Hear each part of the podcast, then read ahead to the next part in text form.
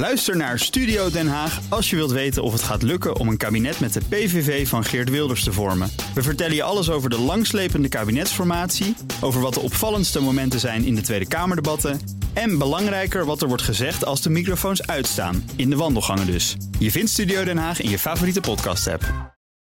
We staan op een kruispunt, want Nederland kiest nieuwe leiders en straks bijvoorbeeld ook Amerika, terwijl de oorlog in Oekraïne voortwoedt en de spanningen met China onverminderd hoog blijven. Maar hoe kunnen leiders ons dan door al die crisis heen slepen? Dat bespreken we met jullie in de Boekenstein en de Wijk Eindejaarshow in december in een theater bij u in de buurt. We beginnen op 5 december in Delft.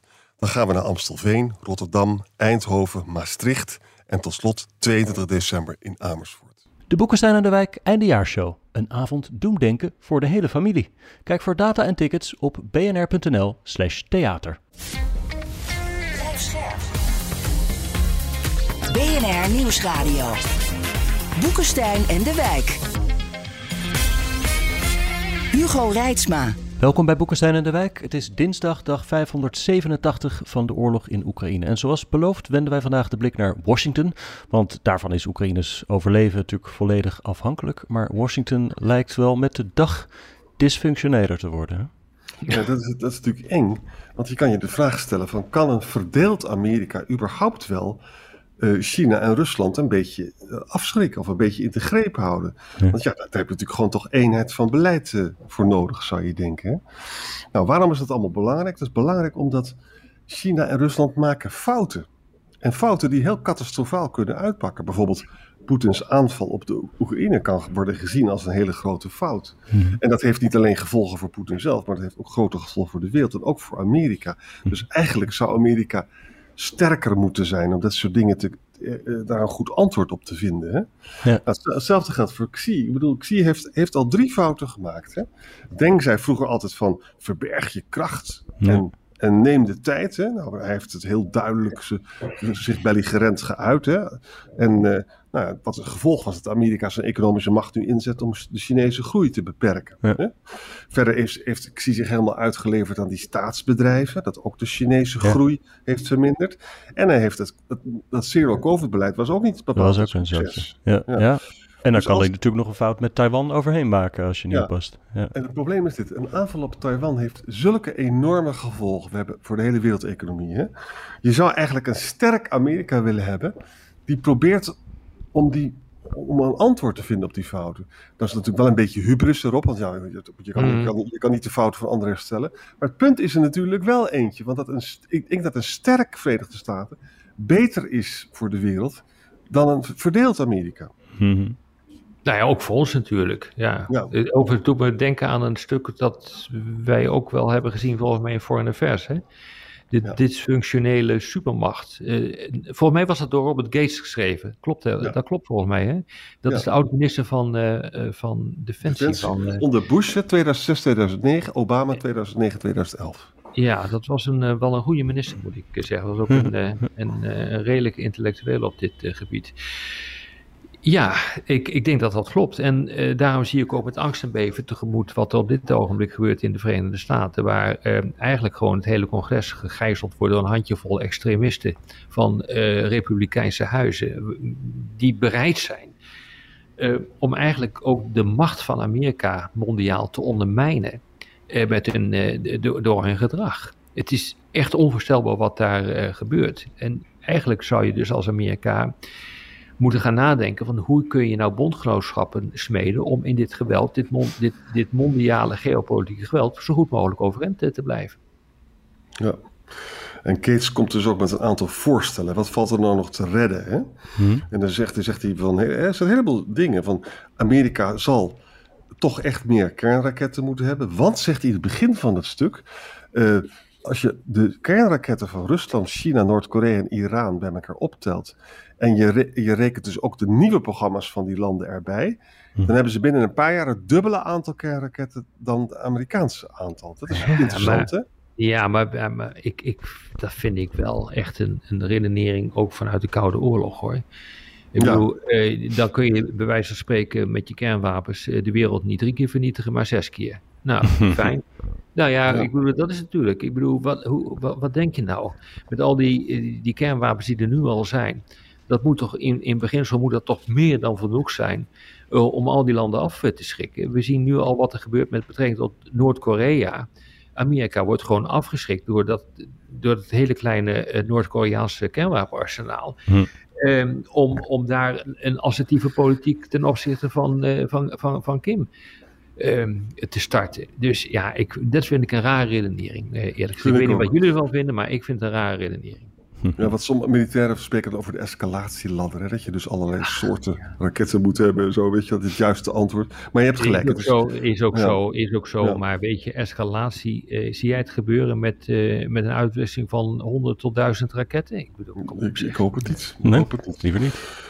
Misschien wel, waar hij wel op wijst is van, hij, hij, hij benadrukt die rampzalige terugtrekking uit Afghanistan. Hij zegt dus dat mm -hmm. je hebt die runaway federal spending, hè, Medicare, Medicaid. Ja. Dat is waar, dat dat echt een, tot enorme schulden leidt. Hè. De Global South is helemaal verwaarloosd door Amerika. Ja. Ook in Latijns-Amerika. Latijns-Amerika is niet erg positief gezet over Amerika door al die interventie in het verleden. De Global South heeft nauwelijks nog ambassadeurs, wist je dat? Die kunnen ze niet eens vinden. Hè? En hij zegt ook van het is zo schande dat er geen militaire begrotingswetten voor de start van het fiscale jaar worden aangenomen. Dat je altijd maar dat systeem hebt dat het achteraf moet gaan, waardoor die militairen niet kunnen plannen. Ja, heeft ja ik geef wel een belangrijk, ja. belangrijke punten die je maakt, ja. ook Gates natuurlijk. Want kijk, wat mij ook inderdaad is opgevallen, hoe China, maar feitelijk ook India bezig zijn om die Global South te organiseren. China die doet dat uh, via de BRICS en de uitbreiding van de BRICS. Hè, dat hebben we natuurlijk een paar weken geleden gezien tijdens die roemruchte vergadering in... Uh, uh, Zuid, uh, Zuid-Afrika. Uh, vervolgens wordt het land, wordt de BRICS uitgebreid met landen, god beter het, als Iran. Um, daar is natuurlijk ook niet iedereen gelukkig mee. Maar vervolgens zien we ook dat India zich veel meer aan het profileren is als een natuurlijke leider van de Global South. Dat zijn dus zeg maar landen die vooral op het zuidelijk halfrond zitten. En in wezen feitelijk zich neutraal willen opstellen, ook in zo'n conflict als uh, die we nu zien. En ik vind eerlijk gezegd dat Amerika dat heeft laten lopen. Dat is echt heel opmerkelijk, maar wij ook hoor. We zijn zo gefixeerd op die machtsstrijd uh, met China en met Rusland, dat we even zijn vergeten dat er nog een deel van de wereld is die heel erg belangrijk voor ons is, maar die, ja, die, die, die, die, dat deel van de wereld, dat verwaarlozen op dit ogenblik. Weet je, in de BRICS woont 47% van de wereldbevolking. Ja. In de EU, die 70 lidstaten, dat is, dat is maar 6% van de wereldbevolking. Ja. Ja, ja. ja, nee, maar vooral uh, in Europa, maar zeker in Nederland denken we dat het centrum van de wereld uh, ja. zijn. Maar we moeten wel kijken inderdaad naar dit soort cijfers. 7% van de wereldeconomie is Europa. Dat is lekker, maar niet heel groot. En ook als je ja. kijkt naar de, naar de in, uh, inwonersaantallen. Ja, weet je, dan hebben India en China elk bijna een miljard meer inwoners dan dat er in ja. Europa wonen. Maar is het probleem niet groter dan zo'n stelletje extremisten in het Huis van Afgevaardigden? Maar eigenlijk ook dat volgens mij heel veel Amerikanen, misschien wel meer dan de helft, eigenlijk zoiets hebben van: wij willen niet meer met dat enge buitenland uh, na Irak en Afghanistan. Laat de wereld het lekker zelf uitzoeken en wij Zeker. trekken ons terug achter onze grote ja. oceanen. Ja, het is natuurlijk altijd, uh, isolationisme is altijd een, uh, een thema geweest in de Amerikaanse politiek. En dat zie je nu ook weer. Het is altijd een strijd geweest tussen degenen die naar binnen gericht zijn en de, uh, degenen die uh, zeggen van nee, we hebben ook een belangrijke rol naar buiten toe te spelen. En wij zijn een heel groot land, we zijn de enige overgebleven supermacht. Nou inmiddels kun je daar vraagtekens bij zetten, want China kan daar ook wel aanspraken op uh, maken. En omdat we dat zijn, schept dat ook internationale verantwoordelijkheden. Ja, die, die twee visies hebben altijd lijnrecht tegenover elkaar gestaan. Ja. En de ellende van dit soort dingen is dat Kijk, we weten nu met, met de benefit of hindsight, met, met het, uh, het vermogen om terug te kijken, of de, of de capaciteit om terug te kijken nu, dat sinds 45, toen dus die Pax Americana er echt was, ja, toen is er toch wel een wereld ontstaan die, die voor het Westen heel goed is geweest. Hè? Ik heb het dan niet over Zuid-Amerika en ik heb het niet over andere zaken. En als Amerika nu echt weg zou vallen, dat kan hè, met dit soort scenario's, dan, is, dan, ja, dan wordt China dus veel machtiger dan is het nog maar de vraag of dat uh, net zo'n vreedzame wereld wordt als we onder de Amerikanen hebben ja. gehad. Mm -hmm. Even ja. dus Irak vergetend en weet je wel, dus, en Libië en zo. Maar uiteindelijk. Ja, dat, dat, dat, dat, Ja, dat kan gebeuren. Maar kijk, realiseer je dat uh, alleen het Westen voor dit soort interventies uit overal in de wereld. Dat, dat, dat, gebeurt bijna niet door anderen. Die zitten alleen maar in hun eigen omgeving te kijken. Zoals de Chinezen die kijken naar Taiwan, naar de Zuid-Chinese Zee, naar de Senkaku-eilanden die tussen uh, Japan en, uh, en China liggen. Rusland die doet dat ook, maar ook in de eigen omgeving. Maar het, de enige in de wereld die echt ver buiten de eigen grenzen uh, militaire macht uh, inzet, is, is van oudsher het mm Westen. En Amerika, maar de Britten kunnen er ook wat van en de Fransen ook. En, en da, daarvan zie je nu dat uh, die effecten daarvan en de gevolgen in, ehm, in, in, in negatieve zin, omdat landen zeggen van dit willen we niet, ja, dat dat nu echt een belangrijk punt begint te worden van, uh, van internationale animositeit in de richting van, van het Westen. Ja. ja, dat is wat je ziet.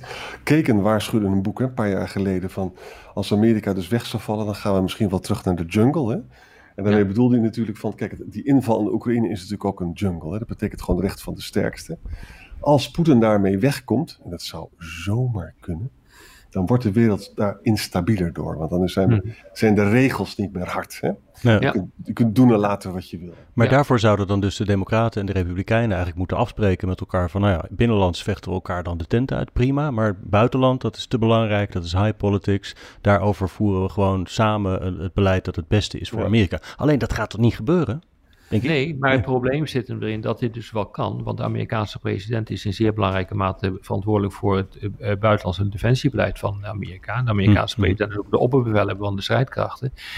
Maar het geld wordt gefourneerd door, uh, de, de, door het congres. En, ja. en daar, zit, daar zit de crux. Dus uh, die, die president die kan wel redelijk autonoom zijn, maar als hij geen geld heeft, dan houdt het op. En da dat is het probleem. En dat zien we nu steeds met die dreigende shutdown, waardoor ja. uh, nieuw geld voor ja. Oekraïne nog niet uh, door uh, ja. het parlement komt. Ja, en, wij, kijk, en, en, en wij denken misschien van, ja, dit betekent dus feitelijk dat de positie van Amerika wordt ondermijnd. Maar je kan ook andersom redeneren. het maakt niet uit dat dat gebeurt. Het gaat ons gewoon om de interne situatie en de steun van de bevolking. En Jan met de pet, die moet gewoon te eten hebben en that's it. dus je, je gaat een situatie kijken waar, waarin je eigenlijk zegt van uh, ja, die internationale positie van Amerika, die maakt me niet zoveel uit. Uh, mm -hmm. Laten we ons maar uh, regelen op ons eigen probleem, want die zijn al groot genoeg. Nou, het zijn ja. gewoon twee scholen die tegenover elkaar staan. En binnen de bevolking wordt er verschillend over gedacht. Is het denk ik een beetje 50-50, toch? Ik bedoel, als je ziet hoe wel, het ja. tussen de Democraten en de Republikeinen uitvalt, dan zegt ongeveer de helft van Amerika: laat de rest van de wereld maar, niet ons probleem. Ja, ja, maar dat zie je in een hele hoop landen, dat, dat, dat die gedachte, dus dat interne en externe, ongeveer 50-50 is. He, dat, uh, we hadden gisteren over uh, Slowakije. Ook daar zie je dat het 50-50 is. De ene helft is bij wijze van spreken voor Rusland, even heel simpel, en de andere helft is voor, uh, voor het Westen. Weet je, die, die hele bipartisan consensus hè, tijdens de Koude Oorlog, zeg maar tot en met Vietnam, hè, ja, die is gewoon nu door Oekraïne echt weg. En, en, en, Trump heeft gewoon laten zien dat liegen en bedriegen werkt. En die, die, die 12 tot 20 Trump-extremisten, die leven daar gewoon van. Die zijn totaal niet meer gevoelig voor feiten. Dus maar Jan, ben jij met je oneindige politieke gevoel, hoe loopt dit af? nou, um, ik begin zo. Nou, kijk. Heel, nou ja, heel misschien dat Lindsay. Ik, ik, was dus heel erg uh, geraakt door die opmerking van Lindsey Graham. En heel misschien is het mogelijk als de Republikeinen zelf in de Senaat nu een bill indienen voor steun aan Oekraïne. En als daar dus dan meerderheid voor is, dat zal dan door de Democraten ook gesteund worden, dan is het probleem opgelost. Hmm. Maar ja, de Lindsey Graham en, en die meneer Getz, die praten natuurlijk ook niet met elkaar. Hè? Maar goed, Getz zit in de House en, en Lindsey zit in de Senaat. Ja. En uh, ik, ik, ik, ik, weet het niet. Ik moet mijn oordeel opschorten, maar ik volg het elke dag. Maar zou je niet, Arjan, als ik het... Uh, maar Arjan, zou je niet misschien, als je dus ziet van die steun voor een actieve rol in de wereld, die mist bij heel veel mensen. En dat komt, nou ja, door, door drama's als Irak en Afghanistan, maar misschien ook dat mensen het gevoel hebben, dat, dat hoor je ook wel in Europa en in Nederland, van dat dus die internationalisering, die globalisering, dat ze daar eigenlijk alleen maar last van hebben. Hè, dat het hun baan op de tocht stelt en allemaal van dat soort nare effecten. Dat ze eigenlijk niet profiteren van de voordelen. Zou je niet uiteindelijk met zoiets moeten beginnen om die steun onder de bevolking voor een open blik naar de wereld te vergroten? Ja, Roosevelt zei van, you have to educate the people. Hè? Je moet als president uitleggen hoe de wereld in elkaar zit en dan daar steun voor krijgen. De, Ja. andere, de andere Roosevelt van de interwar years, die was dus werkelijk jarenlang bezig om de Amerikanen te overtuigen dat we Europa moesten gaan helpen. Hè? Dat isolationisme is heel sterk. in. Nou, het zou zomaar kunnen zijn dat we dat terug gaan krijgen. Ja. Eh, en dan, nou jongens, als we dat gaan meemaken, dan heeft Poetin het wel heel erg makkelijk. En dan, en dan- hoop ik, dan wordt, dus, dan wordt de crisis in Europa heel groot. En dan hoop ik dat eindelijk Europa een beetje gaat opstaan. En als het dan nog niet opstaat, nou, dan hou ik op. met Dan deze gebeurt het nooit meer. Ja, dan stoppen we met deze podcast. Dan, eh, hebben wij, dan hebben wij vaak genoeg gewaarschuwd, maar het heeft niet geholpen. Laten we deze afspraak noteren. Het staat op band. En eh, er het beste van hopen. Dank jullie wel. Jo, tot morgen. Oké jongens, tot morgen. Ook Harm Edens vind je in de BNR-app. Je kunt BNR Duurzaam niet alleen live luisteren in de app, maar ook terugluisteren als podcast, zoals al onze podcasts. En naast dat de BNR-app Breaking News meldt, houden we je ook op de hoogte van het laatste zakelijke nieuws. Download nu de gratis BNR-app en blijf scherp.